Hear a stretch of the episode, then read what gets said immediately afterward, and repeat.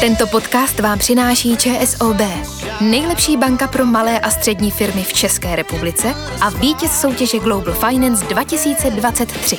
Zkrátka banka, která jde firmám a podnikatelům naproti. ČSOB.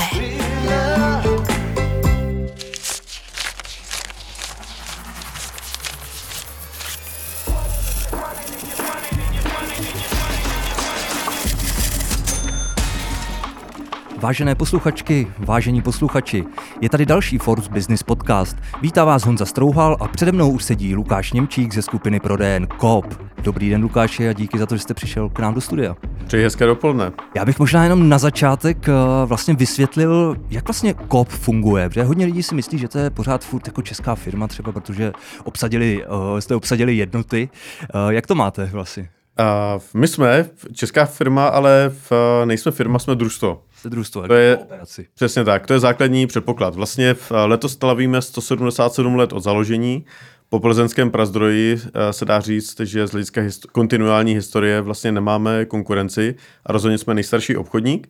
Takže v roce 1847 vznikla dru- spotřební družstva na území tehdejšího Rakouska-Uherska jako třetí místo v Evropě, kdy v podobném duchu družstva vznikla. První bylo v Rochdaleu u Manchesteru, hmm. 1844, druhé v Belgii a my jsme byli třetí místo v Evropě, kdy družstva tohoto směru vznikla. Ten důvod vzniku byla vlastně jako kdyby mikrospoření. Hmm. To, co je dneska moderní.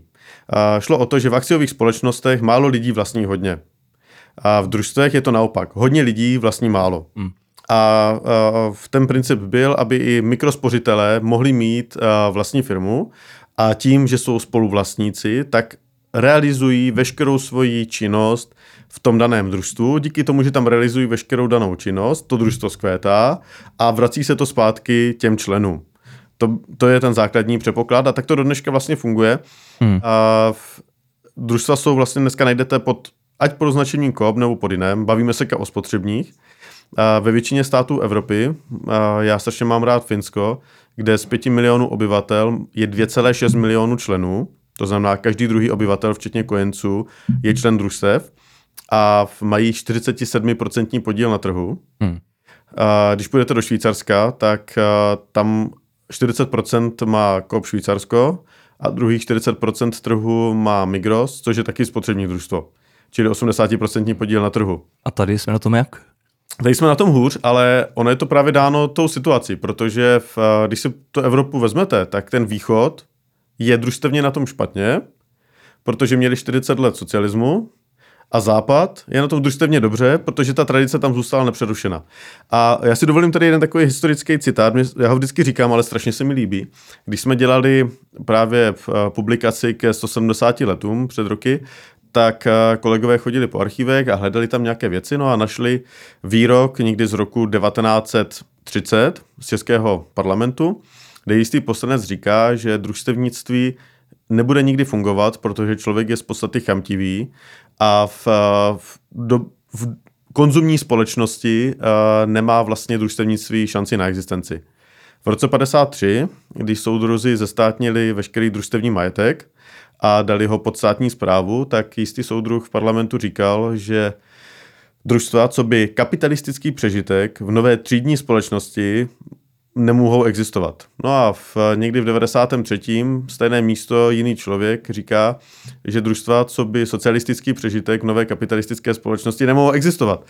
A to je úplně, až, až vás toho mrazí, jak to je, ale opravdu ta doba uh, s tímhle šla, takže máte uh, máme tam krásné fotky, jak uh, v roce 39 uh, družstevníci vybírali peníze na letadlu na obranu, na obranu státu. Pak uh, zase pro změnu máte v střih ve 43. jak byly prázdné obchody a jediné, co tam zůstalo, byl prací prášek Lloyd s anglickým názvem a nad, tím máte uh, obrázky Adolfa v, na stěně.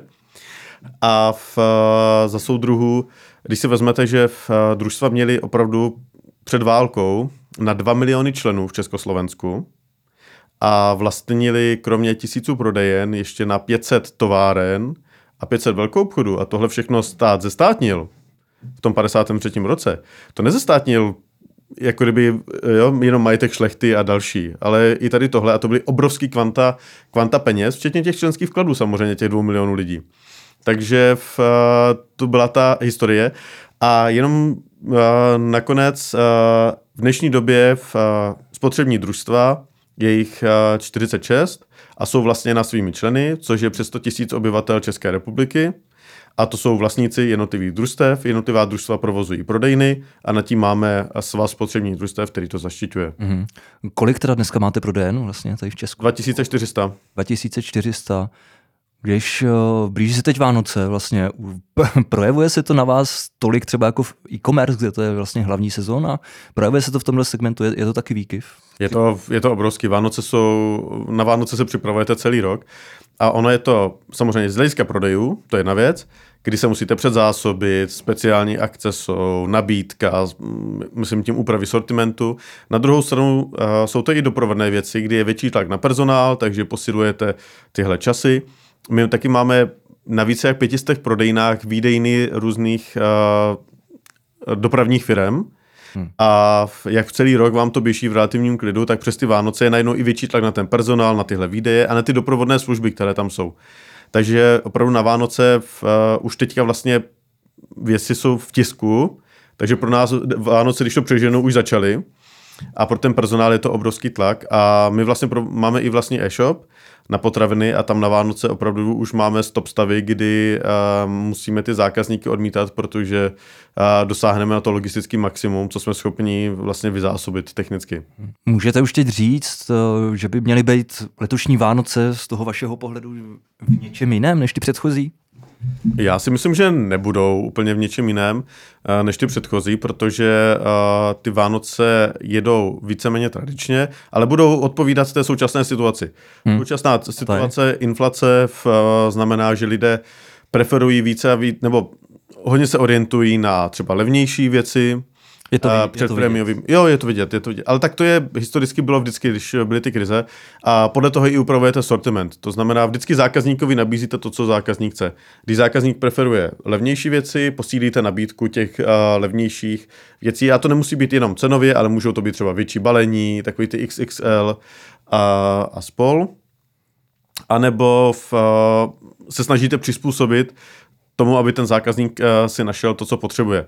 Také vidíme, že třeba zákazníci dělají ty nákupy trošku v jiné časy, trošku to upravují a trošku změna chování je. Na druhou stranu, to jsme viděli třeba v roce 2008, tam byly taky uh, velké výkyvy, kdy prémiové pivo se najednou začalo prodávat minimálně, prodávalo se to základní.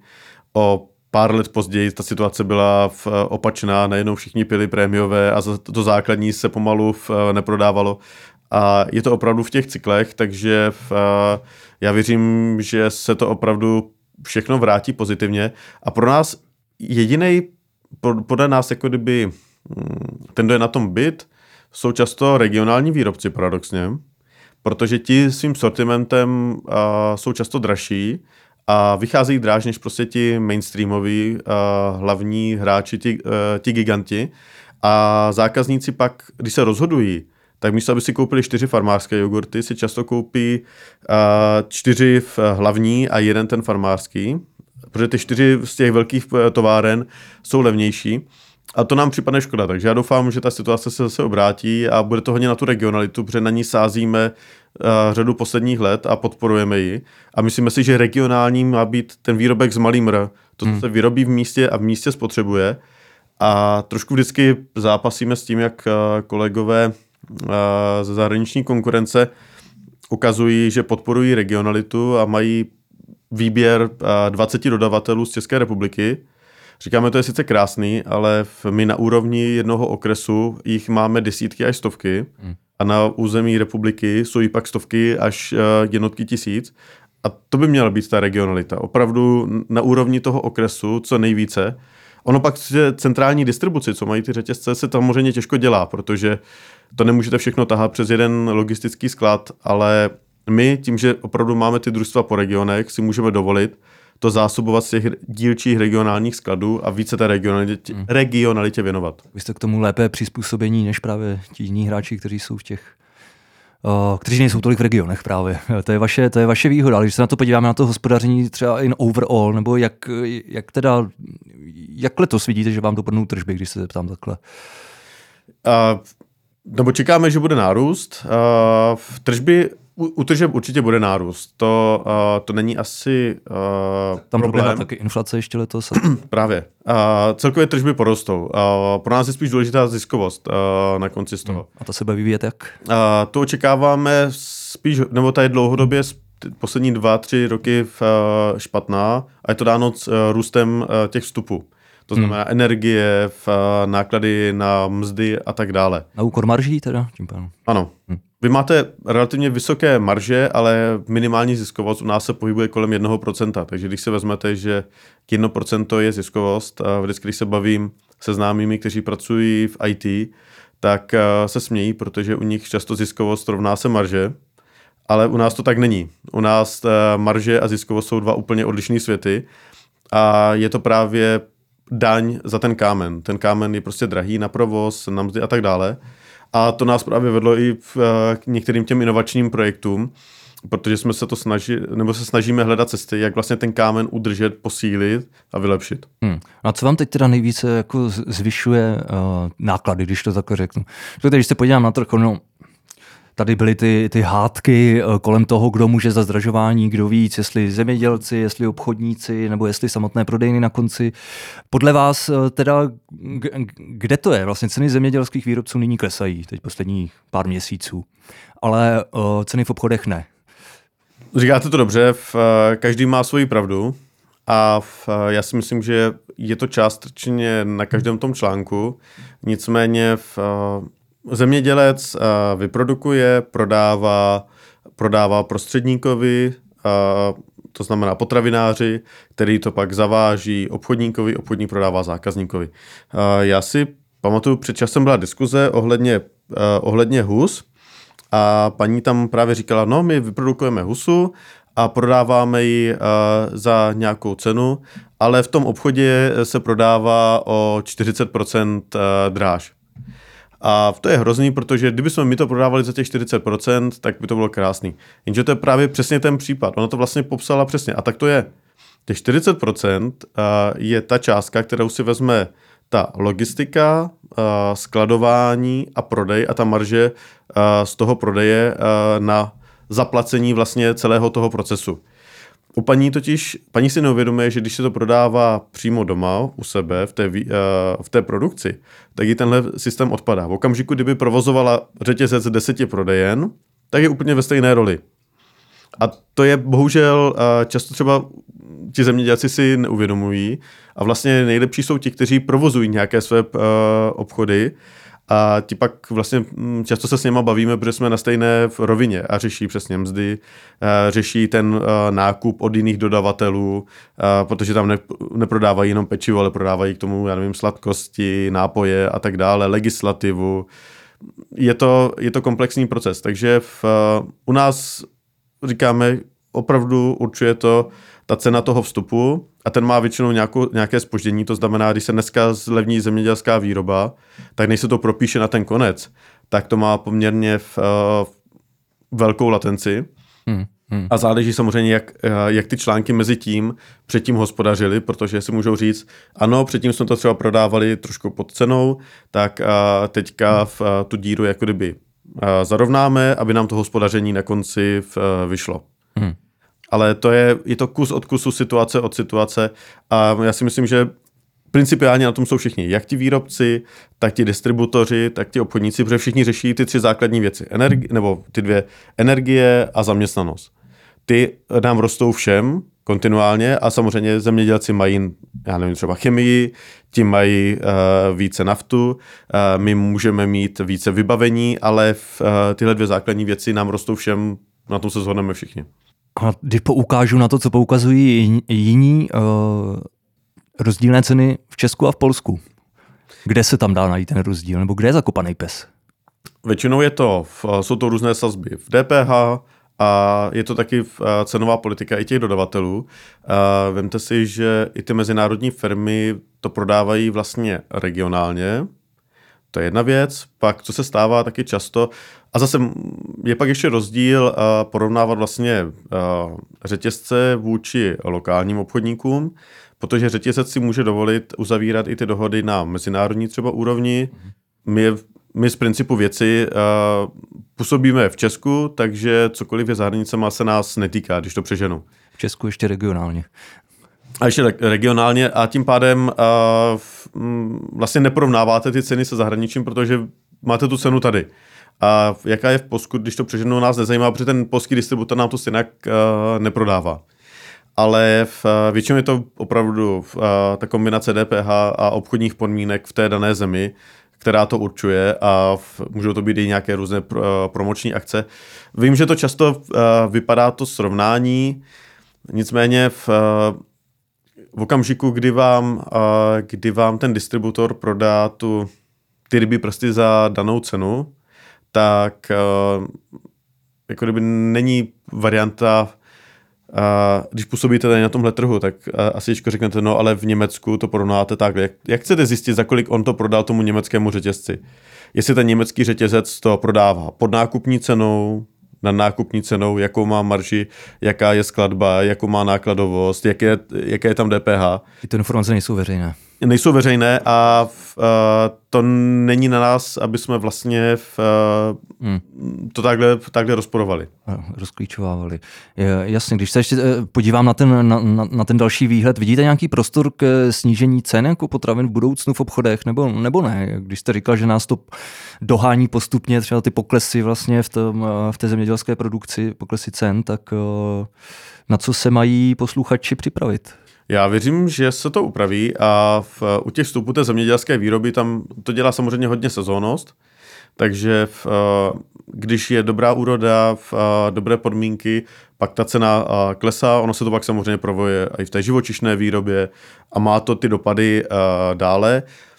Zase záleží hodně na tom výrobku, ale opět bude to u těch malých výrobců uh, to pak můžou dávat tyhle stupy, ale pak třeba i ta energie a další hmm. věci. Uh, já věřím, že pokud klesne inflace, tak uh, i ty ceny se ustálí a v, uh, pak vůči tomu reálnému růstu uh, vlastně budou teoreticky slevňovat.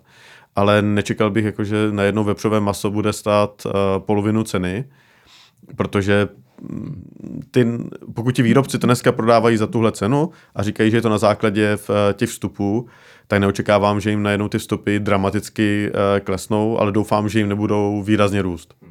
Ta konkurence je tu dost, ne? Ta by měla působit vlastně pro stlačování ceny dolů. A právě jsem se chtěl zeptat, jako, jak je vlastně český trh nasycený? Těm... Přesycený. Přesycený. Český trh je vlastně jeden z nejnasycenějších v Evropě. Hmm. A v, uh, je to opravdu komedie, kdy když a vlastně my se bavíme takhle s kolegy třeba z těch družstev v jiných státech. A když to porovnáváte, tak uh, není moc míst, kde opravdu sdílíte jedno parkoviště uh, mezi čtyřmi obchodníky, nebo kde se vám stane, že řetězec má prodejnu na jedné straně ulice a pak v rámci konkurenčního boje uh, koupí prodejnu konkurence přes ulici, obranduje si ji taky a má dvě prodejny přes, uh, přes cestu, které mezi sebou soutěží o to, která se do budoucna zavře a která zůstane zachována. A v, uh, ono to pak samozřejmě souvisí všechno se vším, ale není to tak, že když je ta konkurence úplně moc, že by to výrazně slevňovalo a naopak je to vlastně uh, je to škodlivé pro pro ten trh a pro tu, pro tu rovnováhu na tom trhu. Mělo by to být nějakým způsobem, jak bych to řekl, distribuováno rovnoměrně, to nasycení od těch velkých měst po ty, po ty malá místa, aby spíš ta obchodní obslužnost zůstala zachována. Hmm. A my dneska, čím je to větší lokalita, lokalita tím je přesycenější a naopak venkov říkáme, že zachraňujeme hmm. A tím pádem vám vzniká to, že vy opravdu lidi směřujete do ven z regionu, aby tam všechno upotřebili, co potřebují a pak se vraceli zase zpátky a nejkrásnější na tom je, že heslem dnešní doby je udržitelnost a krátký obchodní řetězec a všechno. To znamená, každá firma se ohání tím, eh, jak snižuje uhlíkovou stopu a tak dále, ale zároveň zákazníci jsou často nuceni, aby jezdili za nákupy, aby cestovali, hmm. anebo aby se jim to vozilo přes, uh, jo, úplně neekonomicky daleko. Do váškové služby a tedy. Hmm. se to uh, navzájem vlastně uh, rozporuje kdy na jednu stranu říkáme, podporujeme místo, ale na druhou stranu ideálně, ať to koupí 30 km od svého bydliště. A já, jestli můžu, já tady mám, uh, my jsme před časem řešili s ministerstvem průmyslu program obchůdek na podporu uh, malých prodejen obecně v regionech. No a v, uh, v jednom kraji se stalo to, že uh, kraj nechtěl podporovat uh, místní prodejny, bavili jsme se o dotaci v řádech milionu korun na ten kraj. Ale zvažoval podporu letecké linky v, uh, do Londýna. No a jsme říkali, že pak je teda situace, kdy v místě, ve vaší vesnici, se vám zavře obchod, ale vy si můžete sednout na dotovaný autobus, je dotovanou linkou do krajského města, tam vystoupit na z dotací postavený terminál, je dotovanou MHD na letiště, sednout na dotovanou linku eh, do jiného státu a tam si je nakoupit.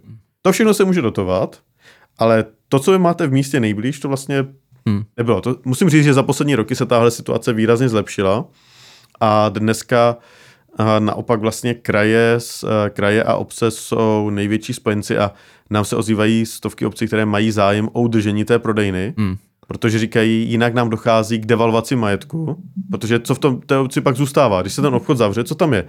Hospody většinou zavřeli už dávno, kost, um, kostely nejsou a obchod je vlastně jediné místo, které uh, bývá otevřeno. A když se, nám, uh, když se nám zavře, tak už tam vlastně nic jiného není. Vy jste na to vlastně narazil tady, nebo jste to i zmínil, vlastně ten trend je furt stejný. Ty prodejny, vlastně ty obchodní jednotky ve vesnicích ubývají, naproti tomu ale rostou ve městech. Takže vy, jak jste říkal, že zachraňujete vesnice, jak vám to teda jde? A doufáme, že dobře. Snažíme se, v, aby to šlo, ale v, je to dlouhodobý boj a upřímně provozovat prodejny v obcích do 500 obyvatel opravdu není o generování nějakého zisku, ale je to o službě. A, a to se bavíme o místech, kde nemáte konkurenci, kde není nic, ale v, to jsou prodejny, které opravdu generují zisk v řádech tisíci korun za rok. A provozujete většinou s ohledem na vaše lokální zaměstnance, členy a, a nějakou službu. A samozřejmě, abyste i vykrývali nějaký obrat v tom regionu a v, udrželi tu síť. Ale tomu, proto se vlastně poslední roky snažíme na to kumulovat další služby, aby z těch obcí, nebo aby z těch prodejen teda respektive, nebyly jen prodejny potravin, ale aby dělali další služby, protože ta kumulace služeb dělá nějakou tu uh, další výhodu. Je to samozřejmě i o tom sortimentu, ale i o tom spektru služeb. No a my jsme s tím začali před roky, kdy jsme začali finančními službami. To byla třeba platba složenek. Dneska samozřejmě ustupují, ale v, eh, zase v místě, kde nemáte poštu, ta platba složenek je důležitá pro mnoho občanů. Výběr hotovosti, cashback. To je věc, kterou dělám, nebo v celé republice 60% celého cashbacku realizujeme na našich prodejnách. Je to jedna z nejžádanějších uh, služeb. Na vesnici nemáte bankomat a když potřebujete hotovost, krát na té vesnici často je uh, velmi důležitá, tak kde si to vyberete? A dobíjení telefonu, loterijní služby třeba. Čili vysuplujete poštu, trafiky, pošt máme 70 a jenom kvůli tomu, že v uh, dlouhodobě, řekněme, uh, je to ta diskuze ohledně provozování pošty složitější, tak to ustanulo na tomhle čísle. Ale v, uh, oproti tomu máme opravdu přes 400 výdejních různých míst, ať je to zásilkovna, DPD, Alza a další. A v, tím pádem vidíte stovky obcí, kde ta prodejna vydává balíky, čili funguje jako kdyby ten poštovní úřad. Máte to prodej třeba tisku. Ten, to všechno souvisí s nějakými vratkami, souvisí to s nějakým logistickým procesem, který není uh, až tak triviální. No a v, uh, pak jsme hledali vlastně, uh, co dál a vznikly z toho ještě dvě další služby. Jedna se mi líbí strašně a to jsou kavárny. Mm-hmm a kdy v některých regionech jsme se ptali vlastně lidí, zákazníků, co jim chybí. Oni často říkají právě to místo potkávání. Protože kde se chcete potkat takhle na podzim, když jdete na té vesnici? No, na náves si sednou v deseti stupních, to není úplně komfortní. Není a oni mizejí ty hospody, že jo? A ty hospody nejsou. A když si chcete sednout se známou na kafe, tak uh, jít do hospody taky úplně není ideál. Takže když na tu prodejnu přidáme čtyři stolky, automat na kávu, tak ty čerstvé, nějaký zákusek tam vždycky máme v sortimentu, takže rázem z toho vznikne minikavárna. Komunitní místo. Pak s tím souvisí třeba i ten e-shop, který jsem zmiňoval. My jsme zkusili výdejní boxy na potraviny chlazené, protože tam myšlenka je, jak máme lokální obchody, teda ty uh, velkou obchody, ty zásobující, tak na každou prodejnu dáte omezené množství sortimentu. Uh, jsou to většinou třeba tisíc až deset tisíc položek podle velikosti prodejny. Ale v, na tom velkou obchodu jich máte mnohem víc, protože na tuhle prodejnu vezete tenhle výrobek, na tuhle prodejnu tenhle výrobek, na tuhle tenhle. Ale a pomocí e-shopu právě v některých regionech dokážeme udělat to, že vozíme zboží, které tam není skladem, vy si ho objednáte online a přivezeme vám ho ze závozem, čili snižujeme tu stopu tím, že vlastně nejedeme speciálně, ale s tím vytěžovákem a vy si to, co potřebujete hned, to na té prodejně máte. Takže co potřebujete urgent, to tam najdete. A to, co nepotřebujete urgent, tak si na to můžete přece počkat.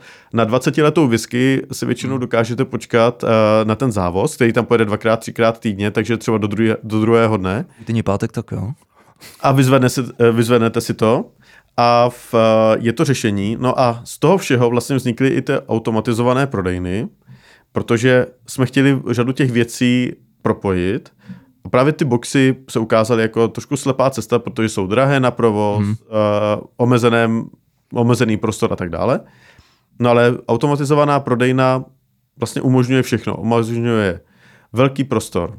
No vlastně je to klasická prodejna, takže ten zákazník si tam může nakoupit kdykoliv, může si vyzvednout i kdykoliv tu zásilku z toho e-shopu, nakoupit si to čerství a rázem, ať máte v 11 hodin večer, když zapomenete na vesnici uh, mouku, tak díky téhle prodejně to vlastně je řešitelné.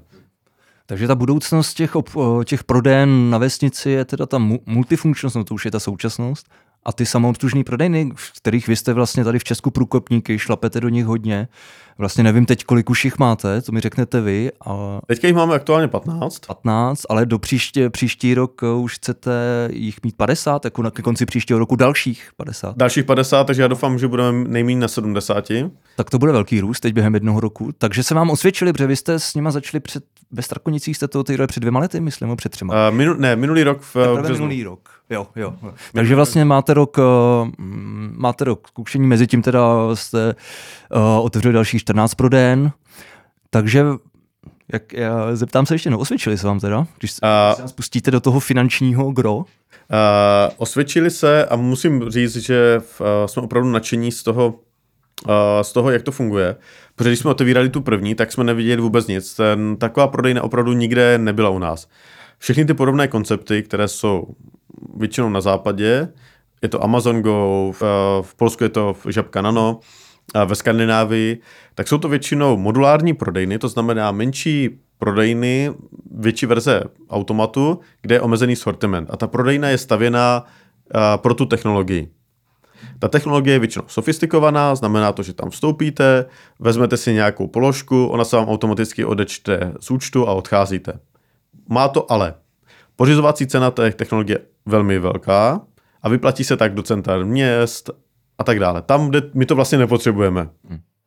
Další věc je omezený sortiment. Musíte to opravdu přizpůsobit té technologii, protože uh, ten systém ví, kde je jaká položka a když to v běžném procesu přehazujete, tak s tím má problém.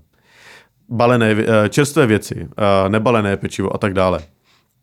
Uh, takže nevyhovalo nám to. Tak jsme se na to zkusili podívat jinak a řekli jsme si, chceme vzít klasickou prodejnu naši a vlastně tu technologii na to transformovat. No a společně s dodavatelem, což byl v Noving Store, Contio, se nám podařilo na začátku to vytvořit a v, udělali jsme vlastně prodejnu, kde je běžný sortiment, funguje úplně normálně. Uh, říkáme, že my rádi provozujeme ten hybridní režim, kdy přes den máte běžnou otevírací dobu s personálem, v okamžiku, kdy jde personál domů, přepnete to do automatizovaného režimu a můžete si tam nakoupit sami. V ten okamžik vlastně je to dík, dáno tím, že my vlastně uh, tu funkci toho nákupu předáváme na zákazníka, ne na tu technologii. Čili zákazník vstupuje na základě uh, bankovní identity, kterou má spárovanou uh, sestupní aplikací, což je u nás do kapsy od ČSOB. A tu si spáruje, aplikace uh, mu vygeneruje QR kód, ten ukáže u dveří, vstoupí na prodejnu, vezme si položky, které chce, dojde k pokladně, zase tam přiloží to do kapsy uh, s tím kódem otevře se mu pokladna, aby jsme měli identifikaci, kdo platí, naskenuje si položky, zaplatí kartou, odchází ven. A celý systém je hlídaný vlastně pomocí kamerového systému. Dneska víc a víc využíváme ještě uh, umělou inteligenci, mm-hmm. kdy vlastně umělá inteligence sleduje ty desítky kamer, které na té prodejně jsou a když uh, zahledne něco, krádež, uh, úraz... Uh, něco strčím do kapsy, tak to neprojde. Tak. A upozorní, uh, buď uh, upozorní vlastně toho dispečera, který u toho sedí a ten může buď zareagovat okamžitě, to znamená a řekne vám, je tam obustěná komunikace, to znamená, je tam mikrofon i reproduktor, a řekne vám, ať zareagujete nebo ať něco uděláte, a nebo, což je většinou, pošle ten snímek a my vlastně druhý den máme ty situace, porovnáváme to s prodeji a pošlou nám tady Lukáš Nimčík 14.00 podezření na krádež šunky. Vy když vstupujete, tak souhlasíte s obchodními podmínkami, kde je sankce, No a my vám řekneme tak, tady máte, jak jste ukradl šunku, zaplatíte pokutu, zaplatíte škodu, máte na to 24 hodin, jinak to předáváme hmm. příslušným orgánům. A musím říct, že do dneška jsme neměli jediný výjezd a, a lidé opravdu a ještě děkují, že když se něco takového stane v jednotkách případů, že to nedáváme pak policii. Jo. A ono je to vlastně velice jednoduché, protože když chcete něco ukrást, proč byste to měli krást v době, kdy vstupujete do objektu plně identifikován, pod stálým dohledem, nikdo tam není, jsou za váma uzavřené dveře, protože každý zloděj hledá anonymitu, tak aby ho nikdo neznal, dav a tak dále. Tohle je přesný opak. Hmm. Málo lidí, přesná identifikace, stálý dozor. Takže uh, díky tomuhle ta kon- sebekontrola uh, je výrazně větší a ne, že by problémy nenastávaly, vždycky jsou. Když to řeknu takhle, krade se tam teda méně než v běžných obchodech? Výrazně méně. Výrazně méně. Ty obavy byly na začátku jiné, ale teda, jako, jak říkáte, ta sebekontrola tam to na začátku tam funguje. jsme otevírali první prodejnu, tak pan starosta ve Strakonicích a říkal, no já vám tady radši ty měšťáky budu posílat uh, v, uh, během večera furt, protože to vám určitě vybílí hnedka. Hmm a žádné tyto chmurné předpoklady se teda nestaly. Ale bohu ne. Hmm.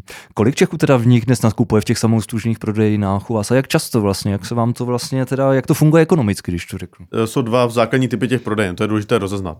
Je městská prodejna, ta znamená, že má běžnou otevírací dobu s personálem, jak měla doposud, a ten extra čas pomocí tohohle režimu a slouží pro zákazníky, kteří se vracejí pozdě z práce, a, nebo jdou večer ze zábavy, nebo jdou z, z jiné směny a potřebují si ještě nakoupit. Čili obsluhujeme extra zákazníky, kteří prostě se nevešli do té běžné otevírací doby. Takže tam je to o nějakém navýšení obratu a komfortu pro ty místní, aby se tam nakoupili.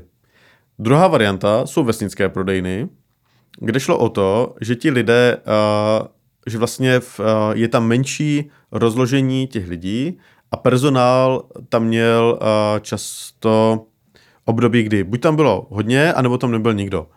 Takže my jsme schopni pomocí toho třeba upravit otevírací dobu s personálem. Ten personál je tam vždycky důležitý, protože máme obslužné úseky, kde máte takové ty krájené uzeniny a tak dále. To, to v automatu nikdy neuděláte.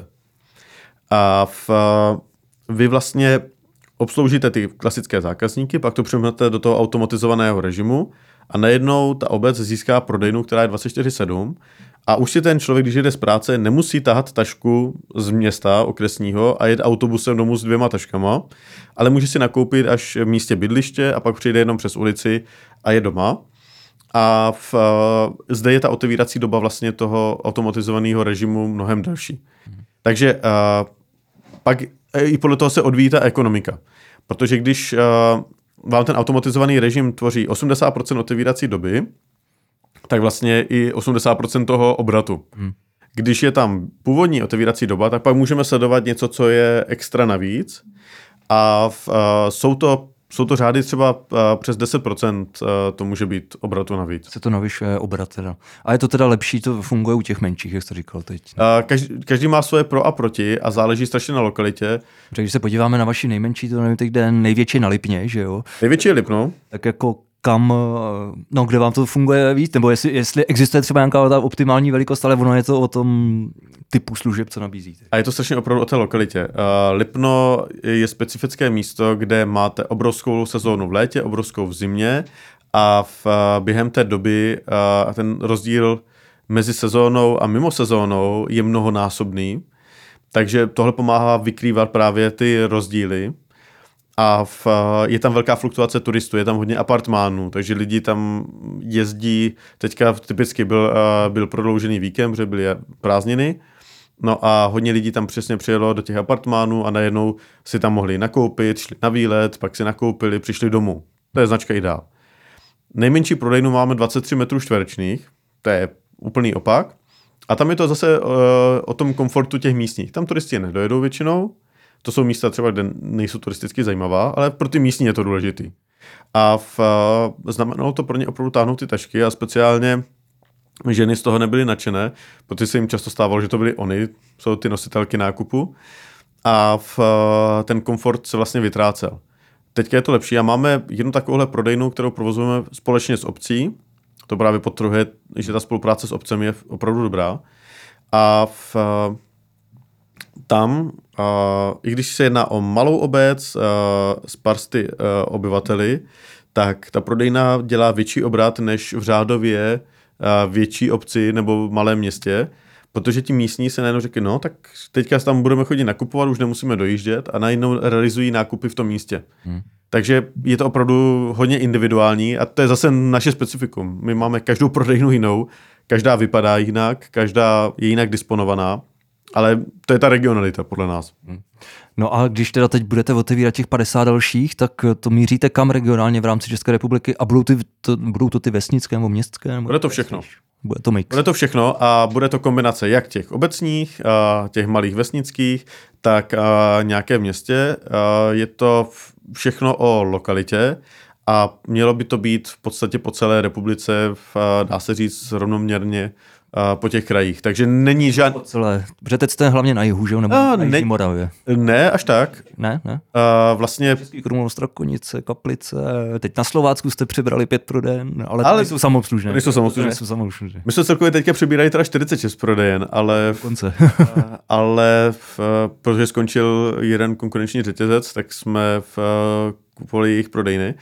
Ale v, vlastně dneska je hodně těch prodej na Jižní Moravě, ale vlastně jsou i ve východních Čechách. A minulý týden se otevírala Mladé Boleslavy, a na Jižní Moravě, v, na Vysočině, takže v, dá se říct, že kromě severomoravského a úplně západočeského regionu, tak už celkem jsou, ale ty další místa taky přibývají a je to opravdu o nějakém plánu aktivity. No, většinou to spojujeme s rekonstrukcemi.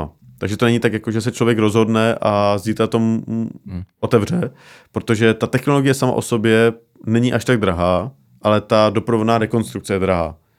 Pořízení pár chladících zařízení eh, vitrín na tu prodejnu stojí stejně, jako udělat z ní celou uh, automatizovanou. Hmm. Uh, a dočkáme se někdy budoucnosti, kdy budou obchody úplně bez, bez prodavačů, teda, protože jste říkali, tam stejně jsou furt, furt potřeba během, během té doby? Nebo... Máme, provozujeme jednu v, uh, prodejnu ve spolupráci s obcí, uh, kdy pan starosta si v, uh, rozhodl, že tam uh, nechce uh, zaměstnance a je to taková, takový jako kdyby interní franchízový systém, kdy uh, obec uh, je vlastně ten provozovatel a my tu prodejnu zásobujeme, děláme jako kdyby řízení toho prodeje a tak dále. A v obec se stará o to, aby když přijdou zásoby, aby byly vyskládány do toho. Takže to takový, je to opravdu společný, společný projekt a taky to funguje. Ale mm, za nás furt preferujeme ten, ten osobní kontakt, aby se opravdu z těch obcí nevytrácela ta lidskost a zůstávala tam. Samozřejmě tak, aby, ale musí to mít i, eh, i ten ekonomický smysl, ale to si myslím, že je, eh, že je základ. To byl Lukáš Němčík eh, ze skupiny Proden Kop. Lukáš, já vám moc krát děkuju, že jste dorazil k nám a že jste nám popovídal o tom, jak to teď ve vašem biznise funguje. Díky moc za pozvání a přeju hezký den. A s vámi posluchači se těším zase příští čtvrtek ve Forbes Business podcastu. Tento podcast vám přináší ČSOB, nejlepší banka pro malé a střední firmy v České republice a vítěz soutěže Global Finance 2023. Zkrátka banka, která jde firmám a podnikatelům naproti. ČSOB.